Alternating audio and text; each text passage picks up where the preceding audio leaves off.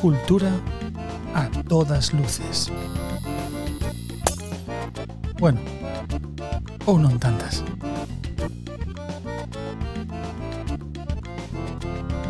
Un podcast de Revista Luces.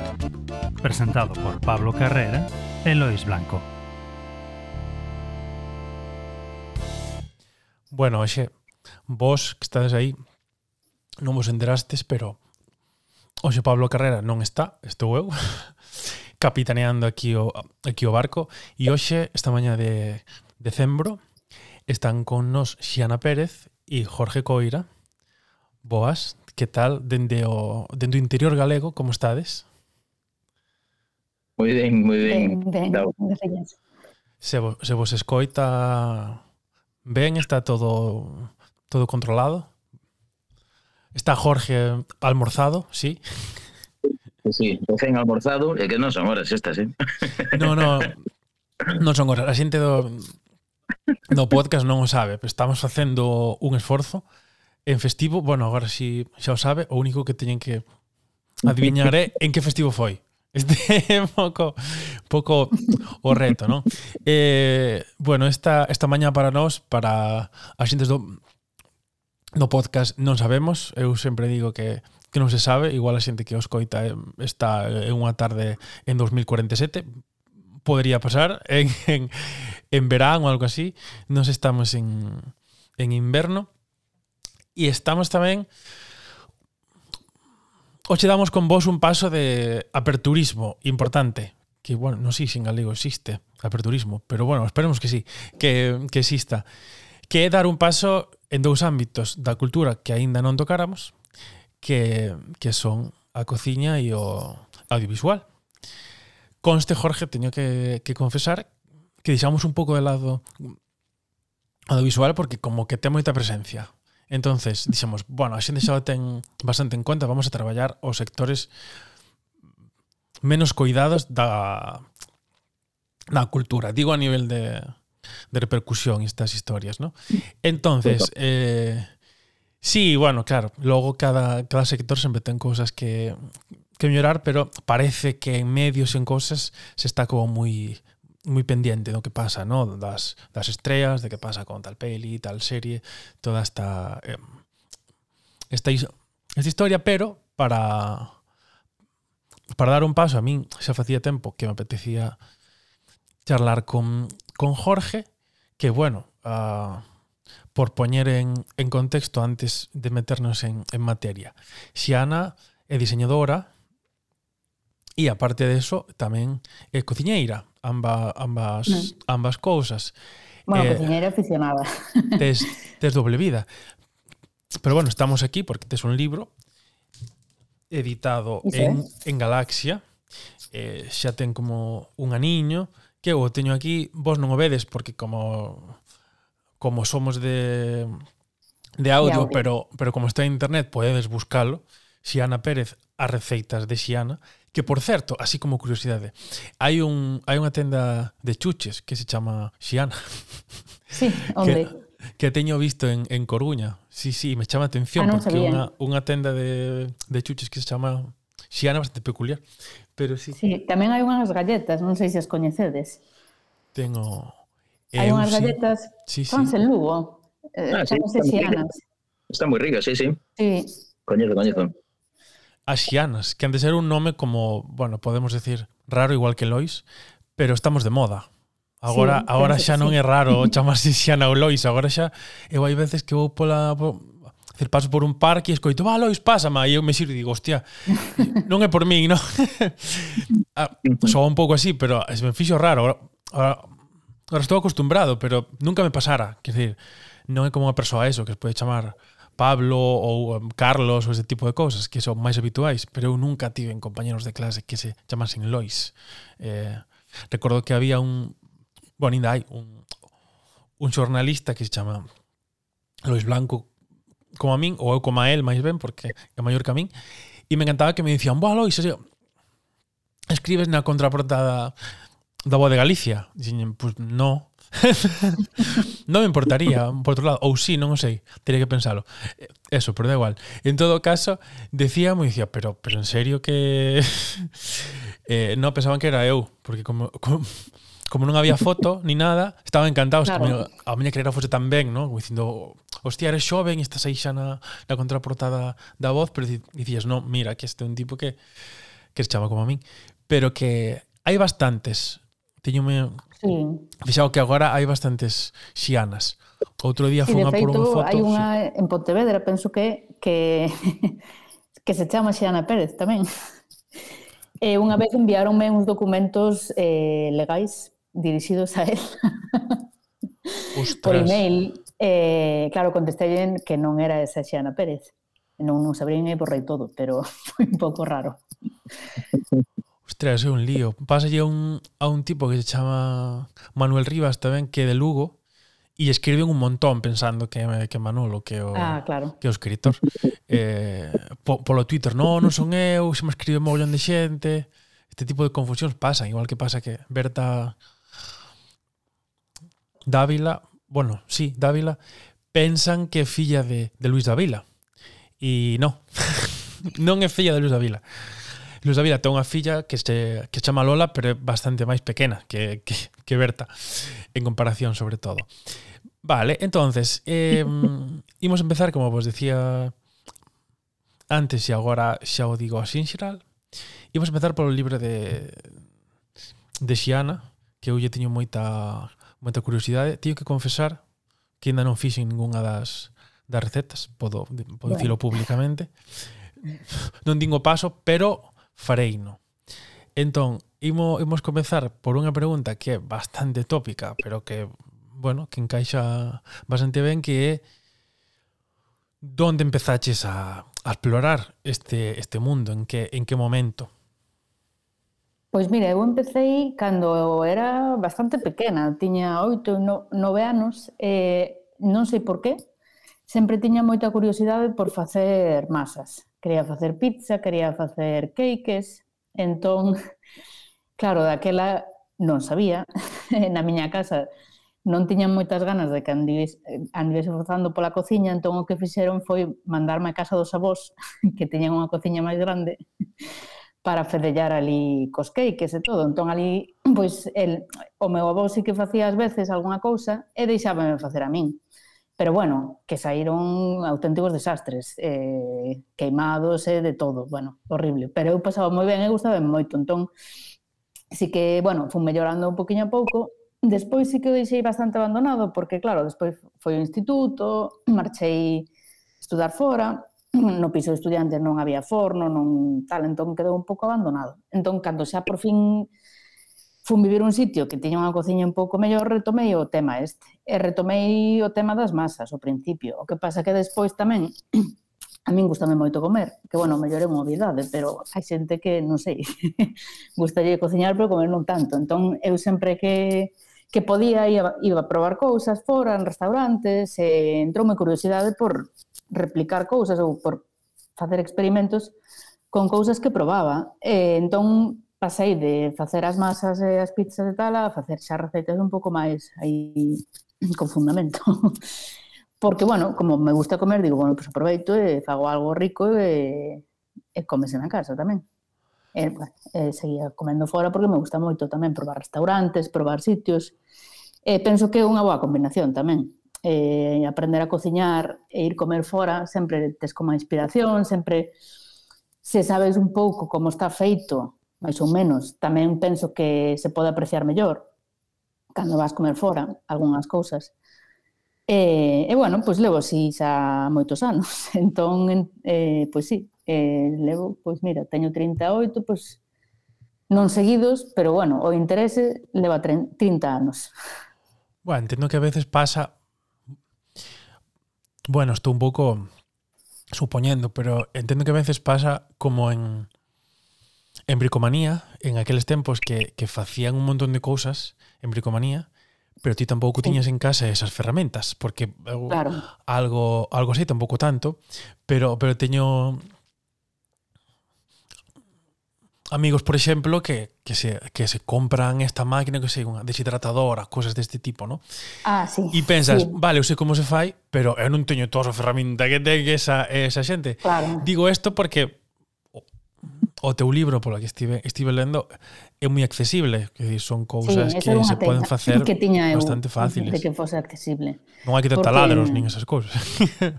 non, non, claro. No. Eu sempre, claro, sempre intentei traballar co que teña na casa, así que ás veces, claro, vas comprando cousiñas un pouco mellores porque, bueno, paga a pena, non? Pero para que vos fagades unha idea, a, a miña primeira báscula de cociña compreina hai dous meses eh, ata agora o que usaba era pois nada, as medidas que tiña así a ollo e tal. bueno, non a ollo 100%, pero que non non iba tan precisa porque bueno, penso que as receitas que fago eu normalmente na casa, que son as que están no libro, tampouco son receitas de ultra precisión, como quen fai un fermentado ou unha cousa máis complicada que así sí que se pode ir un pouco eh, mal se non calculas todo así por gramos ou por, por mililitros, pero mm, o tema de trebellos de cociña, claro, é un tema tamén de espazo que teñas na casa, dos cartos que queiras gastar e do que vayas usar. Iso, porque moitas veces, claro, eu sí que recomendo, se faz moito pan, pois compra unha panificadora, pero para facer pan tres veces ao ano, pois fai na man e xa está, porque podese facer, leva a xente toda a vida facendo, entón. Eu intento que as eh, cousas que, que uses moito, que isto é un tópico, mm. para mí me funciona, as cousas que uses moito que sexan boas. Mm. E isto sirve bastante, que sí. pode ser o colchón, sí, por exemplo, pode ser o calzado, pode ser, bueno, mm. pero pero en todo caso, algo que vayas a meterlle horas É mellor que claro. de, de calidade, porque senón, se usas un día ou dous, non pasa nada, que se se mellor ou peor, pero se o, se o vas usar con frecuencia, Home, si é bo, é mellor. Ese, ese tema sí que eu sempre recomendo, que, bueno, para min é unha obviedade, pero sí que é verdade, por exemplo, coitelos, mellor que sexan vos. Táboa de cortar, as do IKEA, mm, non.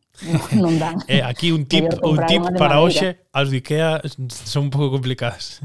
Sí, sí, mellor... Bueno, teñen calidades, pero as básicas do IKEA non, non. Xa, xa, xa polo podo dicir que non, non dan. Entón, sí, coitelos, unha boa espátula, unha taba de madeira que que porte ben, home, se faz pan, pois comprar boa fariña.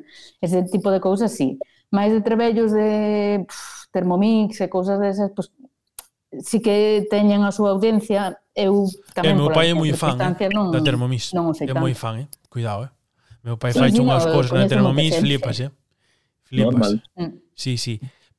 Pero é verdad que o, que o sabor non é o mesmo, porque un sabor, claro, non é mesmo un, un cazo dun material determinado, claro, a Thermomix se fai un, un recipiente de, de plástico, e unhas lentillas non saben igual, inda que a receta sexa a mesma e sexen máis rápido, é verdade que non é non é o mesmo sabor. O faz, digamos, máis faz máis rápido, máis estilo claro. Home, Twitter, digamos. Tamén, eh? Eh? O tempo de cocción fai moito tamén polo sabor. Sí, claro, non é o mesmo que este unha noite que logo repouse, que claro, que, que facelo máis rápido. Pero bueno, é verdade que bastante efectiva para salsas e para cousas máis. Hai xente que a usa para cousas concretas, pero non para cociñar en xeral, o sea, que usa como unha especie de robot de cociña para preparar certa salsa ou certa tal. Sí, claro, pero a xente que ten como un concreto. Que cativos, eh, vamos, que non estou en contra eh, destas cousas, simplemente que Claro, por, pola miña experiencia e tamén un pouco porque moitas veces a xente dicíame ah, que eu gustaríame cociñar pero non sei como empezar Ah. Eu pasei por aí tamén, entón a intención que tiña escribir o libro era facer unha recopilación de cousas que, digamos, non fosen tan intimidantes ou non fosen tan difíciles para empezar. E, bueno, polo feedback que teño ata agora, penso que, que está bastante conseguido porque sí que a xente sí que me escribe, dime, ah, pois fixen isto e, e ou fixeno cas miñas fillas que son pequenas, e, entón é algo como bastante accesible que era a idea tamén. Sí, é digamos que a entendo eu que a elaboración non asuste. De dicir, ostra, claro, teño que sí. facer aquí 20 cosas, non vou ter tempo, porque claro, tu montón o mesmo chip e dis, uf, eu isto non vou ser capaz, seguramente me claro. tal. Ou os ingredientes tamén. Ás veces hai algún ingrediente un pouco menos común, pero sí que intento poñer cousas que sempre haxa no supermercado ou que non teñas que comprar aí nunha páxina en internet e que te manden en tres semanas e non sei que. Os ingredientes tamén están bastante eh, escollidos para que sexa doado topalos. Que os podes entón, coller, bueno, no, sí. un súper ou na, unha frutería. Sí. Ostra, que onte, bueno, Esto igual non me conto, pero estaba super a reventar de xente. Casi escapo dali, vi unhas colas espectaculares. Isto dos, dos festivos é, é fantástico.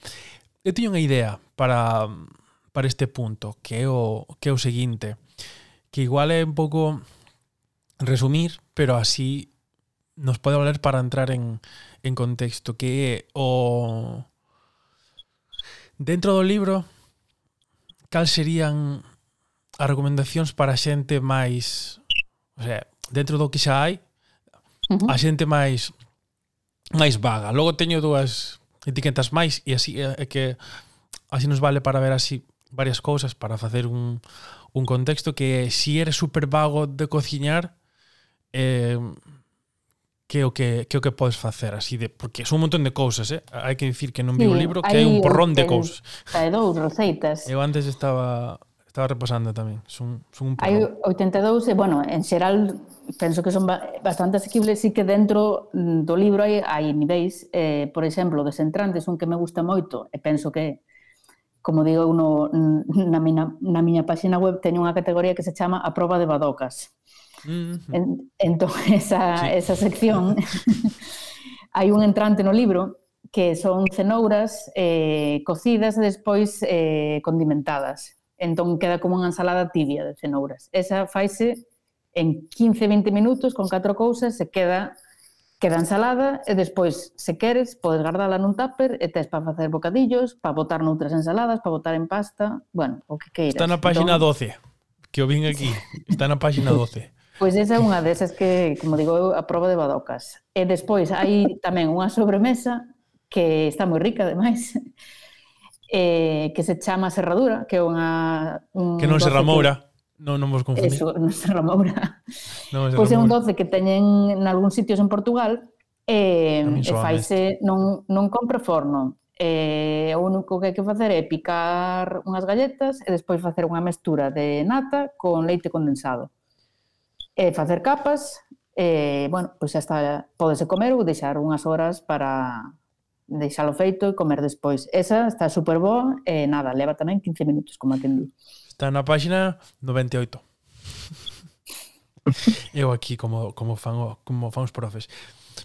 Mm. Bueno, chamase serradura como curiosidade porque as galletas eh, machacadas quedan, claro, como a serradura. Sí, alternanse, claro. Aquí na imaxe mm. se ve bastante claro.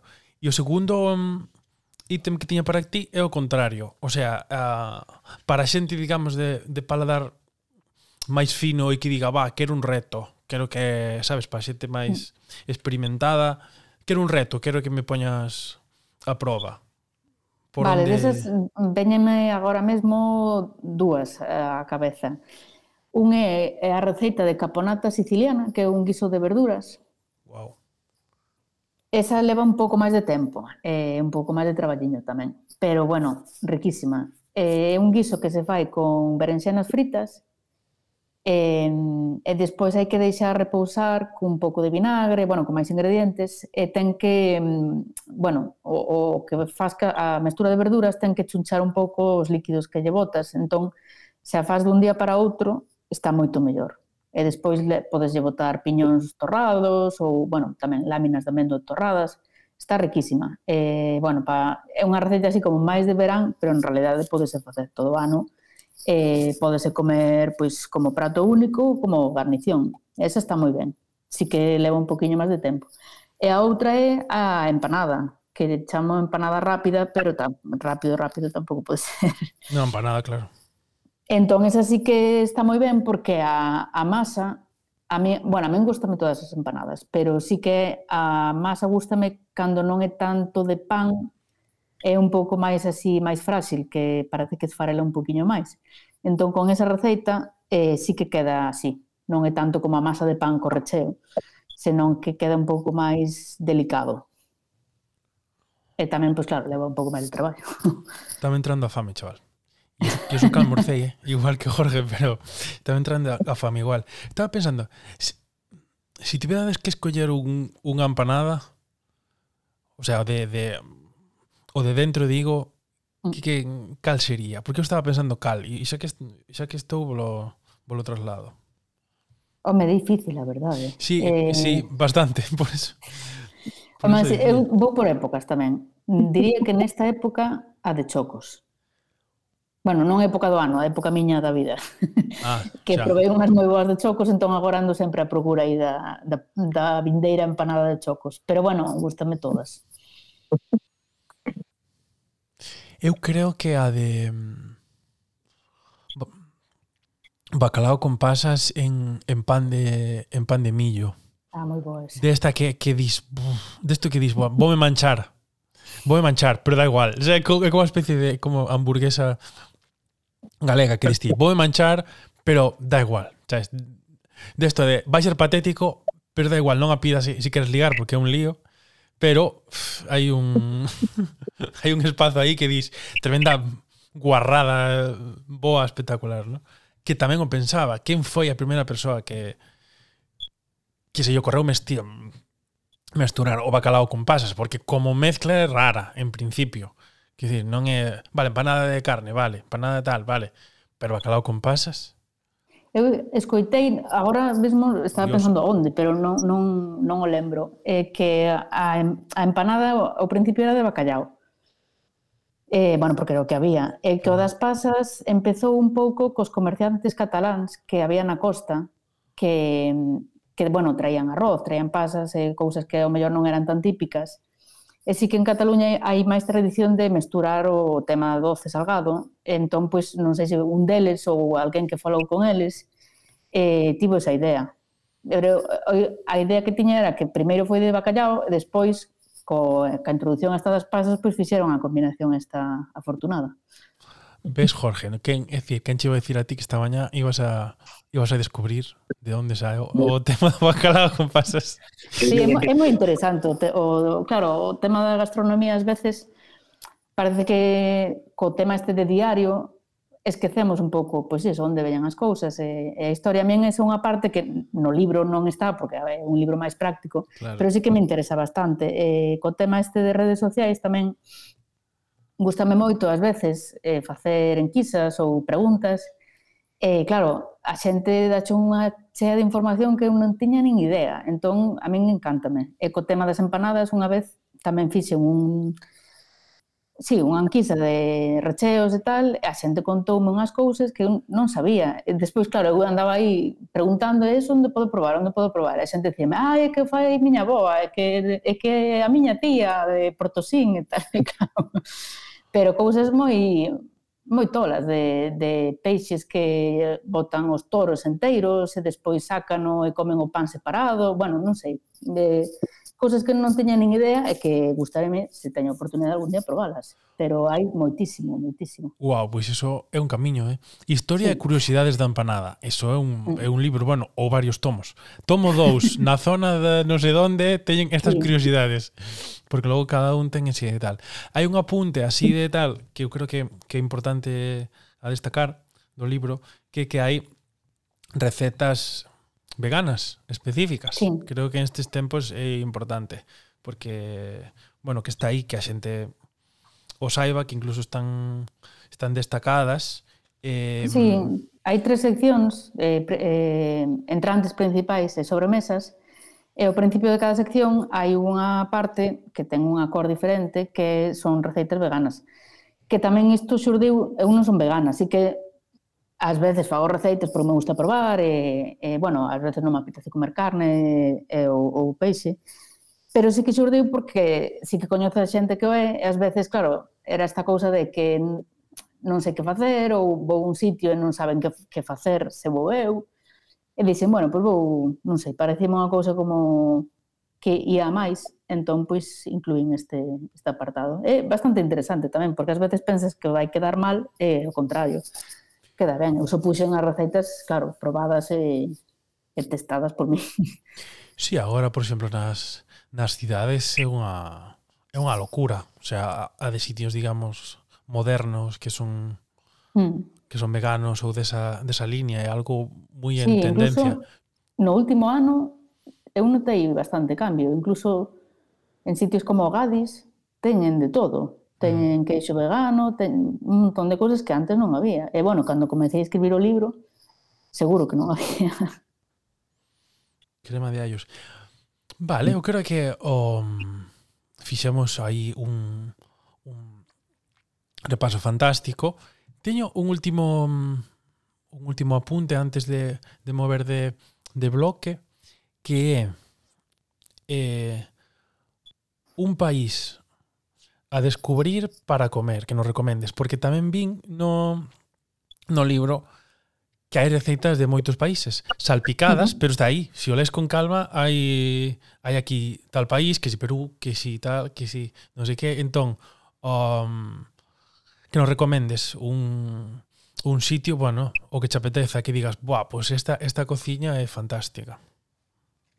Pois, bueno, é difícil escoller a verdade. ¿eh? Eu mm, claro. por por preferencia miña e porque coñezo un pouco máis, porque ao final estas receitas que incluín son cousas de curiosidade miña por probar de diferentes países, pero realmente tampouco teño o mellor a experiencia como para decir, vale, coñezo moi ben a cociña peruana, así que provei cousas e gustame, parece moi interesante, pero non coñezo tanto o mellor como para poder decir, sí, esta é o máis interesante ou, bueno, o que máis recomendo. Sí que eu, por experiencia miña, A min gustame moito a cociña de Italia e penso que, inda que é moi popular, é bastante descoñecido ao mesmo tempo. Non sei se ten sentido. Aí, aí, polémica, aí estamos. que a xente coñece catro cousas, pero en realidade hai moitísimo e hai moitísimas variacións diferentes porque cada zona de Italia pois ten cousas eh, moi distintas e sí que eso sí que o coñece un pouco mellor e hai algunhas receitas no libro calzone Entonces, de touciño, pera e, e, e gorgonzola. Isto me tira. Sí, home, eso non sei se é moi tradicional, pero bueno, rico seguro que está. Eso, no, pero calzone é eh, eh, italiano, por eso, sí, por eso sí, decía. sí. Entón, claro, non, non, non pretendo no libro facer cousas como moi auténticas ou moi como eh, exactas senón que, claro, é como unha introducción, pero que despois sí que tirando do fío da cociña italiana así que descubres moitísimas cousas e cousas moi interesantes tamén. Tamén uns sangrelos, por exemplo, que eu non sabía, que hai unha receita no libro pois de pasta con, con grelos. Eh, entón sí que animo a xente que vaya un pouco máis eh, máis aló da, da pizza, da pasta, ou, ou da, da pasta clásica esta con tomate e queixo, e, e hai un montón de receitas por descubrir. Que investigue un pouco máis. Sí. Agora, imos escoitar un anuncio do outro podcast de luces que que vos non iso escoitar, pero cando cando este o programa así, eu sí, sí que vou ter o, o privilexio e a xente que o este escoitando tamén. Así que agora agora nos vemos, é eh, é, eh, é eh, cortiño. Ben, boas, eh, como Pony Pre ou Pony Express atravesando tormentas que nos amenazan e o que faga falta estamos aquí outra vez. A actualidade está sobrevalorada ese podcast no que actúan e brillan Ana Luisa Bouza. Hola Ana. Hola, que tal? Antón Losada. Boas, casi me gusta máis o de Pony Press que o de Pony Express. Sí, temos máis que ver coa información que con correos. Pues, Aparte sí. de, de pequeno sempre quixen ter un pony. Eh, joder, todo o mundo. Como cada mércores en luces.gal, a actualidade está sobrevalorada.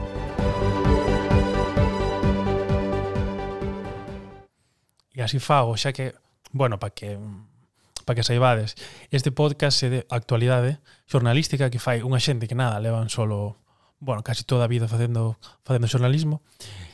Pereiro e, e Rivas e tal, tamén está Antón Losada no no podcast e nos complementamos ben porque eles falan moi de actualidade de política e estas cousas e nos non, basicamente falamos de, do contexto cultural eles saen os mércores e nos os martes cada 15 días así por poñer en, en contexto pois alguén non o sabe que, que, quede, que quede claro teño cada vez máis a sensación de que fago radio e me gusta. Isto este é fantástico.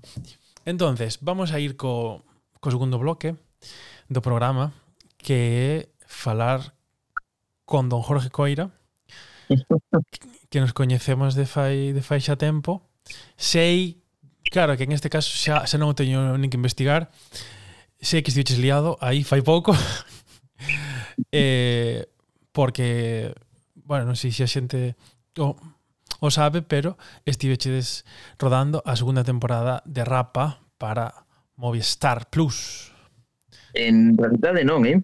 Eh, Ui, eh, casi. No, eh. Aí fadeuche eh, a, a documentación, casi, maneiro. Casi. Eh, non, non, eu non estou na segunda de, de Rapa, eu fixen a primeira temporada. Ah, vino por feito, que flipas, bueno, o que... Sí, claro. Non, non, non, claro, moita xente, eh, a mí incluso ocorría medio de actores, amigos, que, que cando escollían para a segunda temporada escribíanme encantados eh, vamos traballar xuntos en el centro pero non eh, eh non, eh, non foi posible eh, non, foi, non foi por vontade porque teríame encantado quer dizer, intentámoslo estemos mirando a ver se si había posibilidade pero eu tiña mm, compromisos previos eu tiña eh, unha peli que, que xa fora retrasando, tiña que tela rodado en 2020, eh, eh, por, pola, primeiro pola pandemia e logo por, por outras historias, foise retrasando e non podía retrasala máis. Entón estiven facendo unha peli e non puiden facer a, a segunda de rapa. E cal peli? Ahora que, ahora que estamos?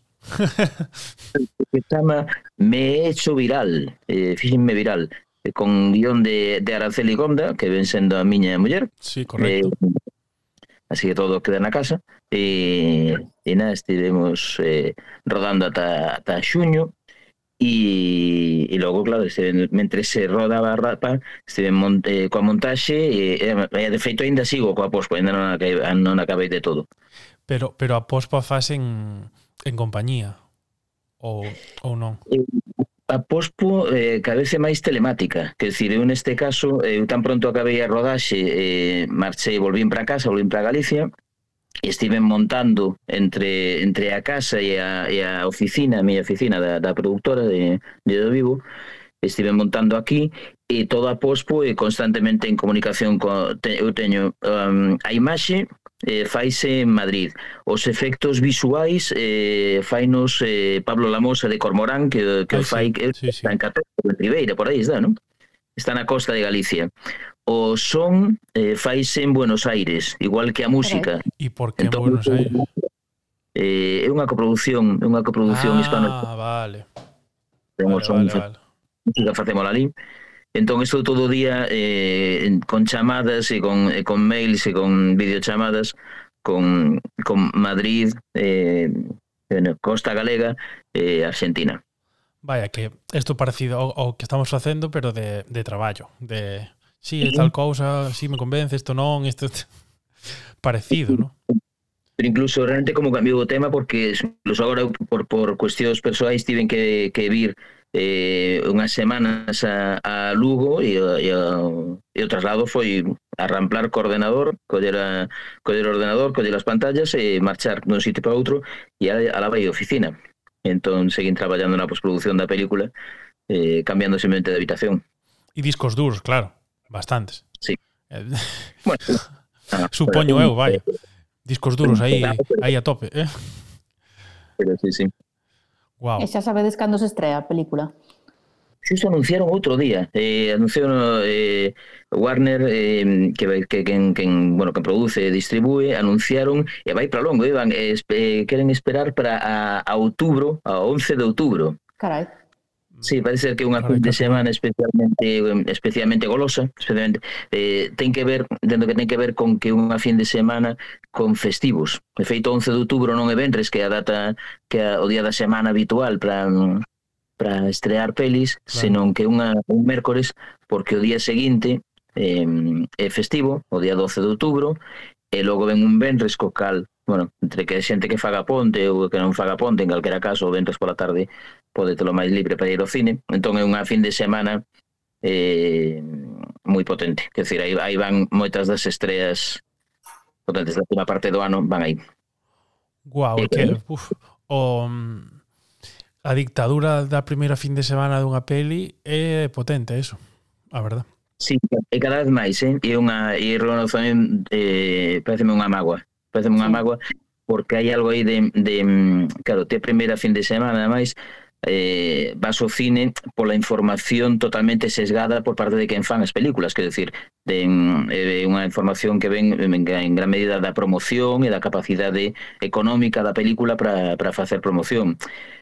Que un certo filtro, porque obviamente é máis fácil que teñan boa promoción películas realmente interesantes e feitas, pero non pero está lonxe de ser un filtro perfecto. Eh, e fai que quede moito cine moi interesante, que quede totalmente relegado e que non chegue que non chegue a ter unha oportunidade apenas. Eh, eso e agora xa non pasa iso de, de salas onde onde se poñen as onde se vai poñendo películas que duran meses. Tamén é verdade que ten o seu sentido, é dicir, a min dai, por un por un lado dame mágoa, pero ten moito ten moitísimo que ver co da con unha certa democratización do cine de mm, hai anos non chegaban, non todas as semanas había algunha estrea potente. Había, había ah. fins de semana na que non se estreaba nada especialmente chamativo. Agora mesmo todas as fins de semana do ano hai, hai estreas máis que interesantes, quero dicir, estreanse máis de 52 películas interesantes ao ano. Eh, hai moitísimo, e chega, e chega con máis facilidade cine de outros, de outros países, de outros lugares, eh, con todas as limitacións, eh? porque ademais ao mesmo tempo as, as grandes maiores cando sacan películas tochas de repente agora entran en centos, literalmente centos e centos de, de pantallas cando hai anos eh, poder estrear con centos era era máis complicado. Se eran centos, serían 200, pero agora de repente pode haber estreas de 400 salas, barbaridades así. 400 bueno. salas. Wow. Sí, sí, intentar encher toda España e que os multicines teñan máis dunha máis dunha pantalla coa mesma película. Sí, claro, sí. porque hasta incluso nos, nos Compostela pasa. Ah, claro. algunhas sí, veces que cando, cando fun a ver a última peli, bueno, esta, a de Ricardo Darín, Darín. Argentina... Buah, hai algo que decías ti, Jorge, e é certo non me acordo cando, cando cho escoitei, pero é verdad, eh, que que os títulos que teñen números confundes os números. E, e dende que cho escoitei é tal cual. Que decir, agora acabo de pensar que, que ten Argentina, ten unha data e non me lembro da data. En eh, 1985. 1985. Eso. Que, sí, sí, pero decir, que, que por certo, a peli é boísima, pero que estaban dando en varias salas no, nos Compostela, que era por eso, eh. Qué maravillosa, qué maravillosa. Uf, que todo esto fue, choré, fue eh. un doble oh, maravilloso esta peli con, con unha, peli chilena chamada No, non sei se a coñecedes. No. La de, de, no. de Pablo Larraín. Eh, Eu sei que la ah, Larraín. Pero... Me encanta Larraín. Dios mío. Sí, pois pues, unha das oh. primeiras de, de Larraín que, mm, que fala do proceso da, da, da mm, do referendo que, que fixo o goberno de Pinochet para intentar manterse no poder e que lle saiu mal o asunto, eh, porque gañou o non. Eh, e fala dese proceso, entón, como, como dúas películas cunha visión por un, eh, moi vitalista e ao mesmo tempo de moito rigor eh, histórico e eh, político. Eh, e de dos procesos eh, de certa semellanza, Empecé, lembroume moito unha outra, sendo moi diferentes, eh? pero mm, fan un programa dobre sobre a política, sobre a, polícula, a política mm, a finais do, do século XX na, en Latinoamérica, moi interesante. Sí, porque a forma de usar a cámara e tal de, de la raíz sempre super inmersiva e a veces moi poética e bueno, ten unha, unha forma de usala moi mm, como, sí, como moi persoal, entonces diferente, ¿eh? esta peli é moi diferente porque además, quer decir, eh, eh, digo, la Rain foi foi estilizándose nese senso, en, eh, cando fixo no, ainda non estaba. Tamén. non estaba tan, tan lanzado, pero nesa, nese senso, pero ten unha, unha proposta de, de, de cámara potentísima que que como é unha peli que se desenvolve, non, non lembro se si é primeiros dos 90, eh, creo que era primeiro dos 90, pero entón utiliza as cámaras da época, as cámaras de televisión da época. Entón está rodada con cámaras de vídeo e cunha textura de vídeo super eh, rara, super cutre, eh, moi moi chula, moi bonita esa peli. Sí, sí. Buah, aquí pon que nos quedan 10 minutos, pero bueno, logos y tal. Paro e seguimos. É censura de de Google nada máis que o que o tema. Eu había unha cousa cando, cando quede menos e tal rechamamos para o o rec e seguimos logo. Que é, eu, é unha cousa que, que quería preguntarche, Jorge, e non me, non me vou quedar coas, coas ganas, que é o tema de de traballar cos actores. E me refiro á parte profesional, eh? non, a, non a partes de anécdotas, que logo eso, eso é eso una cousa de cada que. Me refiro a parte de, de que é o, o máis fácil e o máis difícil a nivel de, de proceso para conseguir resultados con eles, a nivel de, de conseguir o que o, o que o, o que o guión ten aí.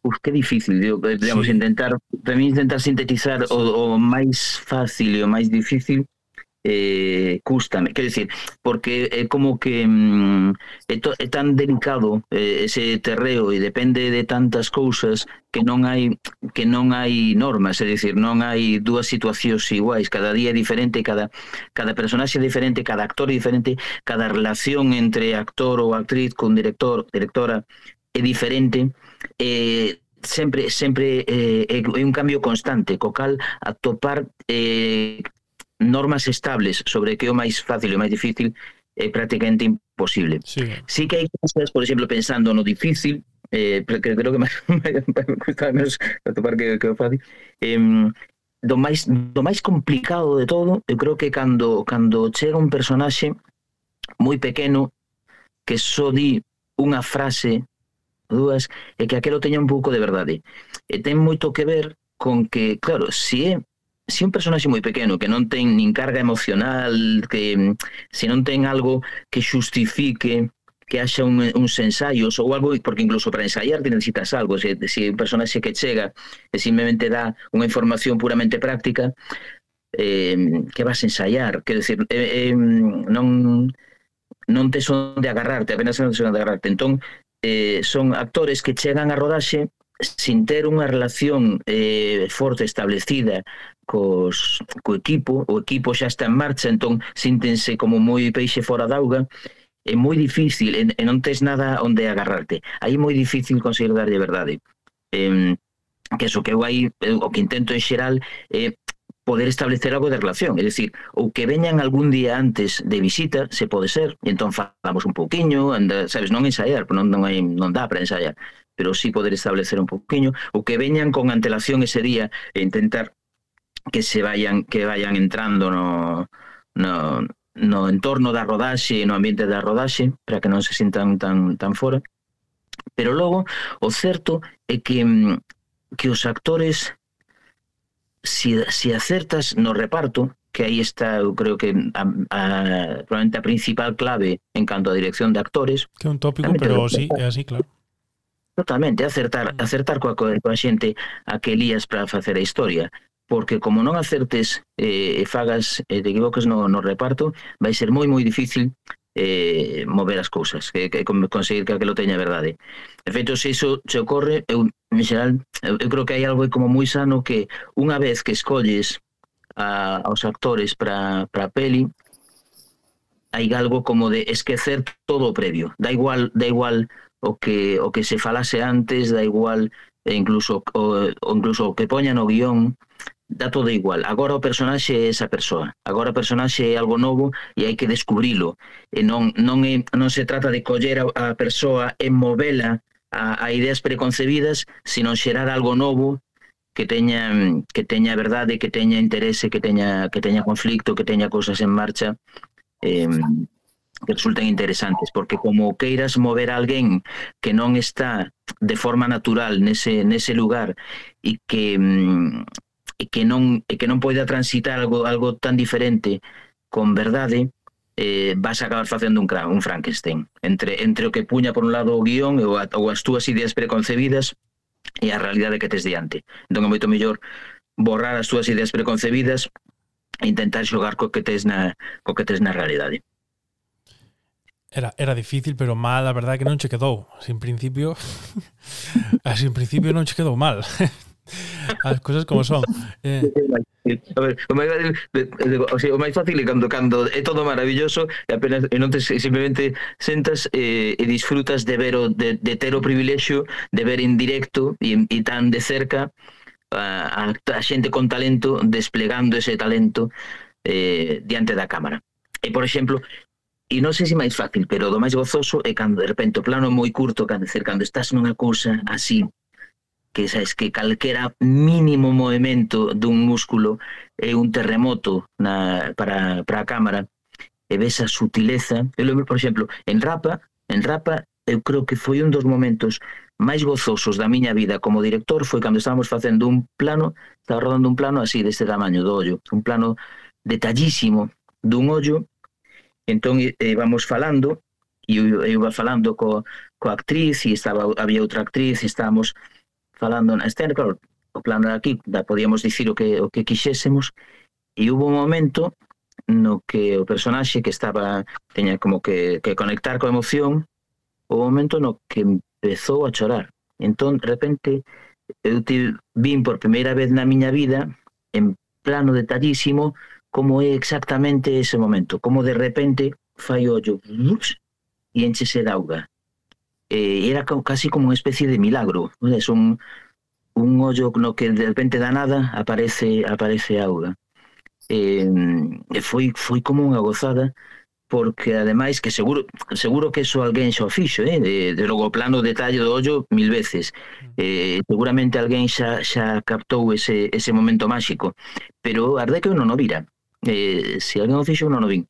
Entón de repente ter a sensación de ostra, creo que acabo de rodar algo que eu mesmo non vin miña vida eh, nada, nin nada parecido. Eh, eh, foi para mí moi moi moi gozoso. En, en Requiem por un sueño hai moitos planos de, de ollos pero son máis do efecto das drogas que de outra cousa. Estamos grande, porque hai, hai un montón de, de planos de ollos, pero son bastantes de defectos que teñen sobre os personaxes. Unha cousa, nos quedan da chamada Blade Runner é maravilloso, ten un plano dun ollo maravilloso, logo de o noso amigo Buñuel ten ah, ten un plano dun ollo eh, maravilloso. sí, sí. Quedan, quedan tres minutos para que se corte. Casi colgo e volvo a, a chamar, porque senón algo se vai a, a cortar e non, e non me apetece. Non quero que vos, que vos corte. Eh, vale, aproveitamos este im, impasse eh, da tecnoloxía de Google que, no, que nos permite Google que é trasladarnos ao terceiro bloque que son cosas así conxuntas, digamos, que hai un concepto que, bueno, agora está evolucionando, que por exemplo, no cuir de pau lle chaman armonía, o que antes lle chamaban maridaxe, eh, que, que, bueno, é algo que a mí sempre me fascinou, pero, bueno, non deixa de ser xuntar cousas a nivel a nivel alimenticio. E eu quería preguntarvos que vos gusta maridar, o sea, dúas cousas que en teoría ou non van ou son ou son curiosas eh,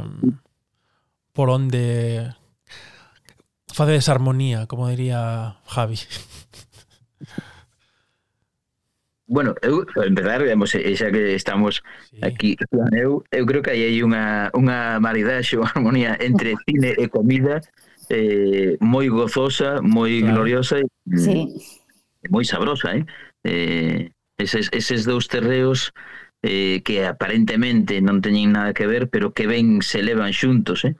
Sí. Eh, bueno, de feito, estes días vin a túa película, Jorge, a de 18 comidas, que non a coñecía, e gustoume moito. Porque sí que é verdade que, claro, todo este tema do que se fala na película, que as comidas son un momento onde a xente se abre máis, onde xurden cousas, sí que é unha oportunidade moi boa para o tema audiovisual, claro. Eh, sí. Está moi ben conseguido. E que esa idea realmente yo de que a vida, grandes dos, moitos dos grandes momentos da vida ocorren alrededor dunha mesa. Eu creo que é totalmente certo, eu de sí. eh, aí aí onde celebramos os, os, os éxitos cando nos vai algo ben na vida e as, as celebracións de, de, das nosos momentos emocionais bodas, todo tipo de, de o sea, son alrededor dunha, dunha mesa e en gran medida tamén don, onde nos repoñemos dos fracasos eh, Sí. Non? Hai poucas bueno, cousas. Dicía Fellini que a vida se compón de maxa e pasta. bueno, pasta pode ser cambiar por outra cousa, pero pero sí, é verdade. Sí, Fellini un home sabio. Sí, sí. No, pero eso, eu, yo pensaría é, ten, é, tan, é, é moi gozoso cando, cando entra comida no cine tamén reconozo, encántame ver cine onde a xente come e encántame rodar secuencias onde a xente onde a xente come, sobre todo se os actores aí eh, toman en serio e, e van con fame para poder estar comendo de verdade, porque senón é un lío. Eh, sí. eh, e logo tamén cando isto de, de ver unha película eh, comendo tamén, é dicir, pareceme moi no, non no cine, as polémicas non me mola nada, pero pero de ás veces de, de facer algún pase ou, ou incluso algún cine destes onde podes estar ceando, pareceme unha gozada eso. Sí, sí, sí, hai un festival, agora non sei cal é exactamente, é nos Estados Unidos que fan un festival de cine, bueno, penso que é unha boa maridaxe, como decía Lois, é de cine fantástico de terror, en nunha especie de rodeo ao aire libre, wow. e, des, e entón fan o festival con barbacoa. Entón o rodeo Ostras. ten como unhas mesiñas e a xente pode ver, claro, aire libre porque se, se, se o tomas en interior sae todo o mundo atufado, pero poder comer aí o churrasco mentres ve as películas. Parece unha idea genial esa. Sí. Moi e que teñen, teñen, por exemplo, en casa en Casa Barqueiro en Negreira teñen na nunha parte do do restaurante hai un sitio que teñen como un uns extractores que baixan entonces como como, como poñen a carne pola, pola pedra para que se faga uh -huh. eh, en ese momento, os extractores cando é o momento os os baixan ou ou baixan un para que non atufe o o salón. E estaba pensando tamén nunha serie, bueno, é miniserie, pero que a mí me encantou que Foodie Love de de Coixet, que están Laia Costa e un actor argentino que se chama Guillermo Fenning, creo, Guillermo Guillermo Sí, sí. algo e eu vendo un documental sobre sobre a rodaxe, decía Laia Costa que que moi guai, pero que claro, acabaron de certas cousas que tomaban moi moi cansos porque o que quería Coixet era que comesen sempre de verdade. E eso está guai, pero claro, cando levas 20 tomas de un, claro. un algo que está moi bo, tamén dis, bueno, vale, basta, sabes? Porque 20 tomas de, de claro. este tema. O pouco gusta e moito cansa. E eso que foron a, a sitios moi guais e tal, que, que debe, debe estar riquísimo, pero ainda estando riquísimo, tamén satura. Cando faz. toma... Ostras... Non sei por iso. Eh? Claro. Porque eh, porque eso, se tens que, que facer varios planos, e normal é que teñas que facer varios planos, empeza a ser moi repetitivo. Entón, atopar o punto de, pero creo que unha, unha labor actoral importante, o de en que momentos debo comer eh, e reservarme para cando creo que van que é o plano que van montar.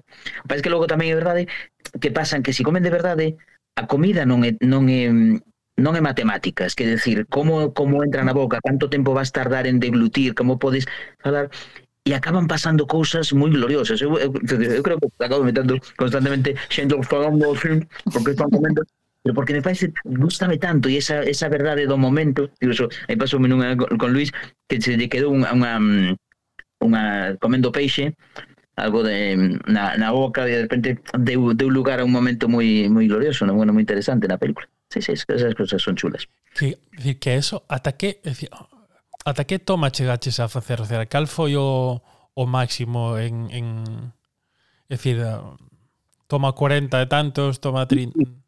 Non, eu, eu, eu son de poucas tomas en xeral, non son, non, non, non son Kubrick. Eh, son é que hai xente que toma 62, deste, bueno, vale, venga, vamos eh, non me acordo, eu eh, xa teña moi mala memoria. Eu quero dicir, si val varias veces na miña vida de chegar a, a, as tomas 12, 13, 14, eh, por ah, aí entre con cousas complicadas. E eu creo lembrar, creo lembrar como que algunha vez chegou máis a lo de iso, de a 20 e pico ou 30, pero non me acordo cando fora, verdade? Teño, eu, a miña memoria é moi triste. Pero en xeral, en xeral, é dicir, porque tamén a min hai un punto aí de se na, se na toma de non o tes, se cadra deberías empezar a plantexarte que algo estás facendo mal, deberías facer un replantexamento da, da escena. Entón, bueno, o que, eh, o que pensaba Kubrick é o contrario, que a partir de certa toma os actores se liberan, pero claro, aquelo é outro tema, además eu controlo moito Kubrick. Aí xa, xa hai un melón que, que, que casi non abro, porque se o abro, mi madriña. Ahora pois son menos, pero hubo tempos que foi moi friki de Kubrick, moitísimo. Eu mesmo aburríame Eh, eh, per, eh, perdo a, a perspectiva eu creo, imagino rodando a toma 56 eh, dis, que, que pesadelo non? Que, que eh, no, eu perdería perdería a perspectiva eu non, non sabería facer iso Quería facervos tamén unha, unha pregunta. Bueno, un algo a inversa, que é unha tontería, pero así o así o xogamos cada un cara cara a un sitio que é que Jorge recomende un plato e Xiana unha peli e facer o mesmo cun cunha, cunha serie, por exemplo, ou con un sitio para ir a, a comer. Pero así, a inversa, porque me, me parece como un pouco máis curioso de facer aquí un cruce de, sabes? Pode ser interesante. Si se vos ocorre, si no, tampouco pasa nada. Sí, sí, sí. Bueno, que eu son, a ver, non sei se estou moi importante ou non, pero que... Sí que, que sí que, xa chido que sí. claro, eu fixen comunicación visual e eh, encántame o cine, non me dedico a iso, pero sí que son moi aficionado ao cine. Eh, entón, bueno, sí, por mí ningún problema. ningún problema. Adiante, adiante. Sí que pode ser unha, unha peli que viras últimamente ou unha que te acordes, da igual, sei con Bueno, unha peli, non, non diría a miña favorita, pero unha peli que me impactou moitísimo, eh, que o mellor non é moi coñecida, porque tamén, lamentablemente, non tivo moi boa distribución, é unha película que se chama Under the Skin, que, bueno, ten que ver ca comida de maneira un pouco tangencial, porque vai duns extraterrestres, eh, bueno, o, o argumento, digamos, que despois parece unha cousa que a película non é. Pero o argumento vai de que son mm, uns extraterrestres que veñen á Terra a procurar comida, que son os humanos. Entón, para apañar wow. comida máis rápido, o que fan é que meten a un extraterrestre nun disfraz que é o corpo de Scarlett Johansson. Entón, ten que ir eh, buscando homes e despois cómenos unha comedia, non? Como, non, non, non, eh, non é unha comedia, é unha película bastante dramática, verdade? E, eh, eh, claro, eu por eso dicía que o argumento parece unha cousa como escacharrante. Só como peli de zombies. Pero en realidade non é, é unha peli moi bonita que trata sobre a identidade, eh, bueno, que fai un pouco que a xente sexa xente, non que, a, que os humanos sexan humanos, porque este personaxe ela fai non moi ben. Eh, parece unha humana, pero non é Entón, bueno, a min encantoume esa película. Eh, estreouse hai sete anos, e penso que está en plataformas, pero non é moi coñecida. É un pouco así, difícil, é un pouco árida, pero sí que a min encantoume, a verdade. E penso que é unha película que vai durar moitos anos, porque durar moitos anos, quero dicir, de, de, de que sexe actual, non? Non é como estas películas que, que pasan os anos e dices, ui, que mal envelleceu, non? Pero esta película pareceme moi radical é moi boa, ten moi pouco diálogo, que é unha cousa que a min gusta moito tamén, as películas que consiguen transmitir só con imaxes, ou ca banda sonora tamén, a banda sonora é moi boa. E, eh, bueno, pois pues a xente así que, que o mellor quere ver unha cousa un pouco distinta, un pouco diferente, sí que lla recomendo, Under the Skin. Wow. Non a coñecía, gracias por... A... E de feito, estaba agora mesmo mirando, eh, mentres, mentres falamos, e, e non coñecía tampouco dir a Jonathan Glazer, Bueno, o, eh, non volveu facer unha película despois disto. Eh, fixo algún corto, pero... Dixo hasta aquí. Dixo, a mí xa me chegou. Dixo el. Non, o que pasa que, eu penso que comercialmente non funcionou moi ben. E como comentaba antes Jorge, é difícil, claro, sacar proxectos que a mellor non son como blockbusters. Eh? E se el traballa moito no mundo dos videoclips, eh, fixo algunha cortametraxe, pero penso que, que películas non fixo máis. Esta, penso... Ah, esta é filming, recordar, vale estou vendo que, fixo, que ten porque unha Scarlett Johansson se empeñou en facela porque lle gustaba moito o guión eh, e foi un empeño dela en que saíse a película pero claro, é, é difícil de vender uh -huh. Pois vexo que ten unha que vai que vai estrear o ano que ven eh, ah, sí. The Zone of Interest a, a zona de interés eh, que é unha adaptación dunha novela de, de Martin Amis que é un non, sí, no, no, no, no, Ah, pero non sabía que teña outro proxecto. Alégrome de que teña outro aí preparado. Oh, que guai. Pois verei, non sei, sí, que interesante. Moitas gracias polo... Nada, nada, nada. É que, bueno, se podo gustame recomendar cousas así que son menos coñecidas porque, bueno, sempre merecen así máis difusión. Sí, curiosear, claro. Está fantástico. Sí. Contanos, Jorge, vale. un plato barra barra non pero que de recomendar comiña, comida oh. que que mm, que creo que é unha, unha unha práctica gozosa recomendarlle a comida, pero claro. depende tanto das circunstancias e, de, e das necesidades do, do momento. Digo, porque, eu renozo, a min as cousas en xeral que máis feliz me fan son as cousas moi sinxelas, quero dicir, é, dicir para min a, a, non hai creo que creo, creo que a tortilla de pataca é algo insuperable. Eh, eh, e non hai poder, non, non poder con moitas cousas máis sinxelas. Ou, ou unha boa carne ou un bo peixe sin nada máis que sal eh, son de, moi de grandes básicos. Pero mm, pero polo, polo se... forno. Ao forno é perfecto. Sal, sí, pouco limón ao forno xa chega ou grellado aí a, na churrasqueira, oh, unha cousa, unha cousa deliciosa. Pero pensando xa un pouquiño máis fora do común, eh, eh, a mí, por exemplo, hai algo que me gusta moitísimo, pensando que é a, a fabada pero de, de langostinos, eh, fabas con langostinos, oh, unha cousa deliciosa. E que normalmente as fabas son estar máis relacionadas coa carne, co chourizo, co touciño e demais, pero tirala cara, cara a outro terreo e cara, cara, cara aos langostinos, facer un fumé aí eh, con langostinos en e logo unha camiña que si con puerro, cebola e demais, e, bueno, morres de rico. Eu, eu pro, probara con ameixas, que está moi boa, as favas con ameixas. Ah, favas Pero con, con langostinos nunca nunca probara e, bueno, pinta ben. Wow.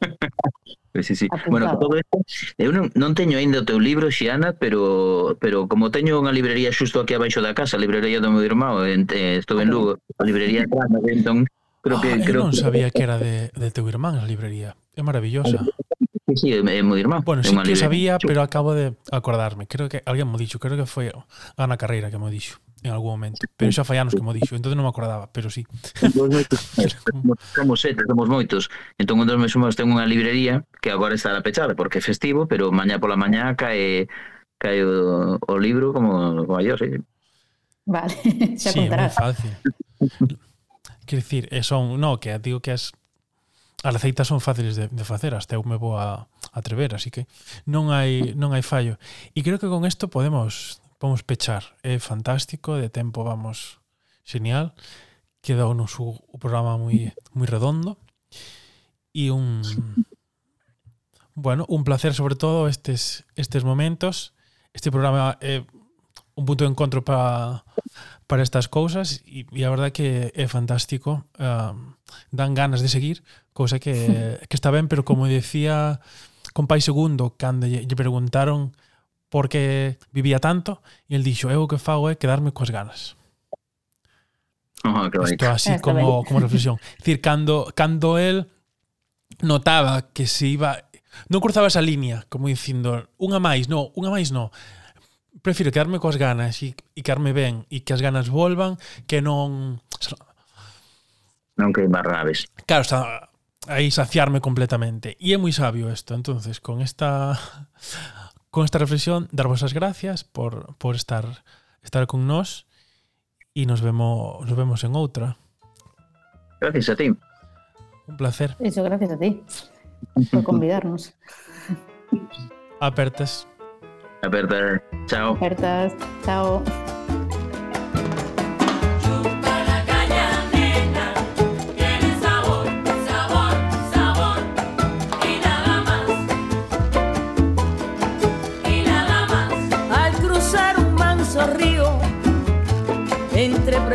Preciosos palmares se oyen los tiernos cantares que salen de tu